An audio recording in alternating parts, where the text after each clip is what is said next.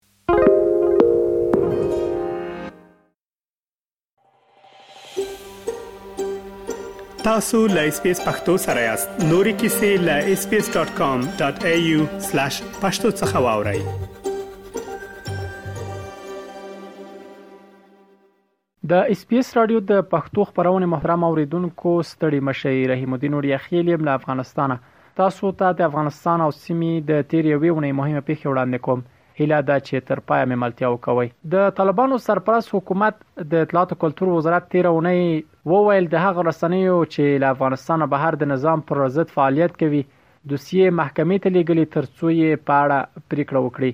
رسنیو د دې وزارت د ویاند له قوله وویل چې د یاد رسنیو له مسولینو غوښتل شوي وو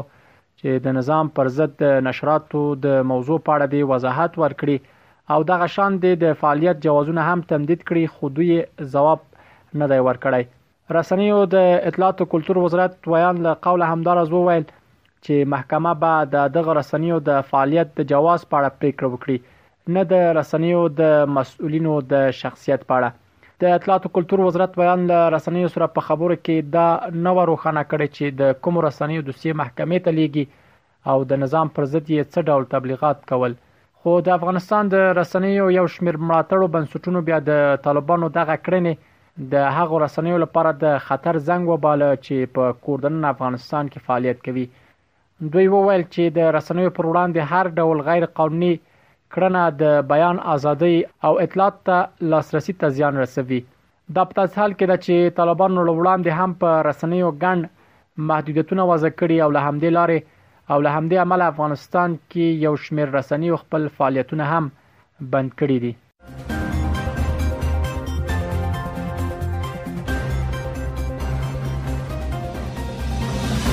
له زده کړو او کار کولو د نجونو او ښځو د راګرځولو په اړه د خبرګونونو پر دوام تیر اونۍ د امریکا د بهرنی چارو وزارت وویل چې طالبانو بیا بیا هغه ژمنې ماتې کړي کوم چې د بشري حقوقو د درناوي په برخه کې له نړیوال ټولنې سره کړې وي د امریکا د بهرنیو چارو ویاند نت پرایس وویل امریکا له خپل هم امریکا له خپل ملګرو هیوادونو سره په دې تړاو اړیکه کې ده او ډیر ژر به یې په اړه خپل خبرګون په ډاګه کړي خاغلی پرایس وویل طالبان د خپل کړیو ژمنو پلي کول یا نه غوړي او یا هم په واس کې نه دي خو تر هغه چې دغه ډله خپل ژمنې پوره نه کړي دوی په کلکو ټکو غندي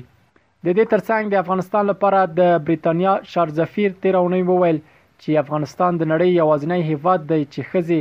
او انجونې پکې له کار او زده کړو منې شوي نو موري دا وویل چې یو شمیر طالب مشرانو ورته په خصوصي ډول ویلي چې پر افغان مرمنو د محدودیتونو له پراخولو سره موافق نه دي په همدې حال کې د افغان ښځو لپاره د امریکا ځانګړې استازې رینا میری وویل چې پر افغان میرمنو د طالبانو لخوا لګول شوي محدودیتونه سیاسي اقدام دی او دیني اړخ نه لري ورته وخت کې په کابل کې د ملګرو ملتونو مرستندوی دفتر یا یونما مرستیال مارکوس پوتزل طالب چارواکو سره تیر اونۍ لیدکاته وکړل او د نړیوال ټولنې هغه غوښتنه یې له طالبانو ته ورسوله چې له مخې یې پر ښځو د زده کړو او کار محدودیتونه لرې کړي. په دې وروستیو کې طالبانو حکومت په بهرنیو او کورنیو موسسو کې د ښځو په کار بندیز لګولی چې دا کار د نړیوالې ټولنې لخوا په پراخه کچه وغندل شو. که څه هم ملګرو ملتونو سازمانونو په مشرۍ یو شمېر نړیوالو سازمانونو هڅې پیل کړي چې دغه ډله دې ته اړ کړي چې خپله کړې پرېکړه بېرته واخلي، خو لا یې کومه پایله نه ده ورکړې.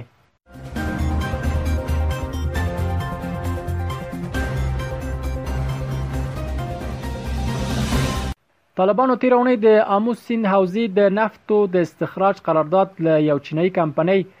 سیپک سره لاسلیک کړ البته دا د طالبان لخوا د نفتو د استخراج لومړی تړون وو چې واک ته تر رسیدو وروسته له یو نړیوال شرکت سره لاسلیک کړ د دغه تړون له مخې به د څلور زره او پنځه سوه متره مربع ساحې څخه چې د شمال درې ولایتونه سرپل، جوزجان او فاریاب پکې شامل دي، د تېلو استخراج کېږي.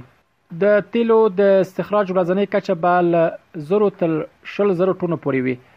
د دغه تړون له مخې سي پېک کمپنۍ اړ ده چې په یو کال کې تر یو سلو پنځوس میلیونه ډالره پانګه اچونه وکوي چې وروسته به دغه کچه تر درې کلونو پورې پنځه سوه او څلوېښت میلیونو ډالرو ته لوړه شي. د قرارداد له مخې په دې پروژه کې د طالبانو سهم شل سلنه دی چې وروسته به پنځه اویا سلنې ته ورسېږي. د دغه تړون یوه مهمه برخه دا وه که چیرې سیپک چینایي کمپنۍ د یو کال په ترڅ کې په قرارداد کې ځای پر ځای شوي هغه ټول مواد او موارد چې په تړون کې یې ژمنه کړې پوره نه کړي، تړون په اتومات ډول لغوه کېدای هم شي. د دې تړون ټوله موده 25 کاله خودل شوې وه د آمو سیند حوزې د نفتو د استخراج قرارداد د تیر جمهوریت نظام پر مهال له یو چینایي شرکت ته سپارل شوی وو خو د بیلابیلو لاملونو لامل کار نه وپل شوی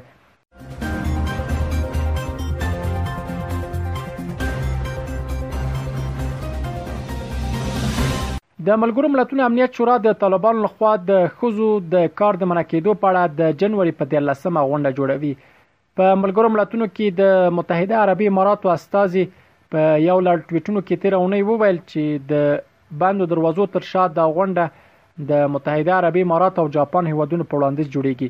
په ملګرو ملتونو کې د متحده عربي اماراتو استازي لانا نصیب د طالبانو هغه پریکړې په اړه چې په موسسو کې د خزو په کار کولو بندیز لګولای د یو اعلامیې لارې ویل دا چې د افغانستان شاوخوا 2 پر 3 برخه خلک بشري مرستو ته سخت اړتیا لري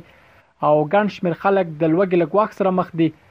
دا پریکړه به په دغه هیواد کې د بشري مرستو د هڅو پر وړاندې خنډ شي اخوا ویل کیږي چې د ملګرو ملتونو د بشري چارو مشر مارټن ګریفټس به هم را روان اونۍ کې افغانستان ته راشي او د طالبانو له لوړپوړو چارواکو سره به په دې تړاو وګوري د طالبانو حکومت د تیر میلادي کال د دسمبر په 24مه په غیر دولتي او کورنۍ موسسو کې خځې له کار منې کړي او عمده لامل یې هم دا و خو چې اکثره خځو چې په دې موسسو کې کار کوي اسلامي حجاب نه مراعاتوي ګڼو هیوادونو او د بشري حقونو خواخوږو د طالبانو پر دې پریکړې اعتراض کړی او ډیر سازمانونو په افغانستان کې خپل کار ځنډولی.